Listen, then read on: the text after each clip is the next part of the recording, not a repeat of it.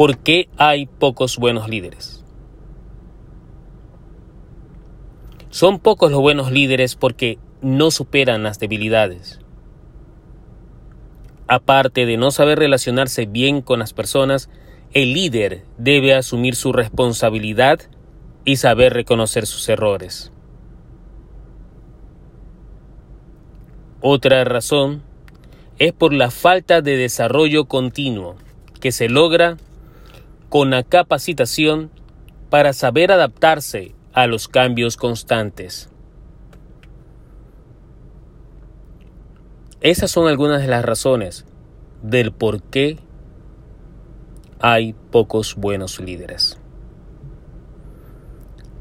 Capacítate, relacionate bien con los demás, asume tu responsabilidad y sé un buen líder.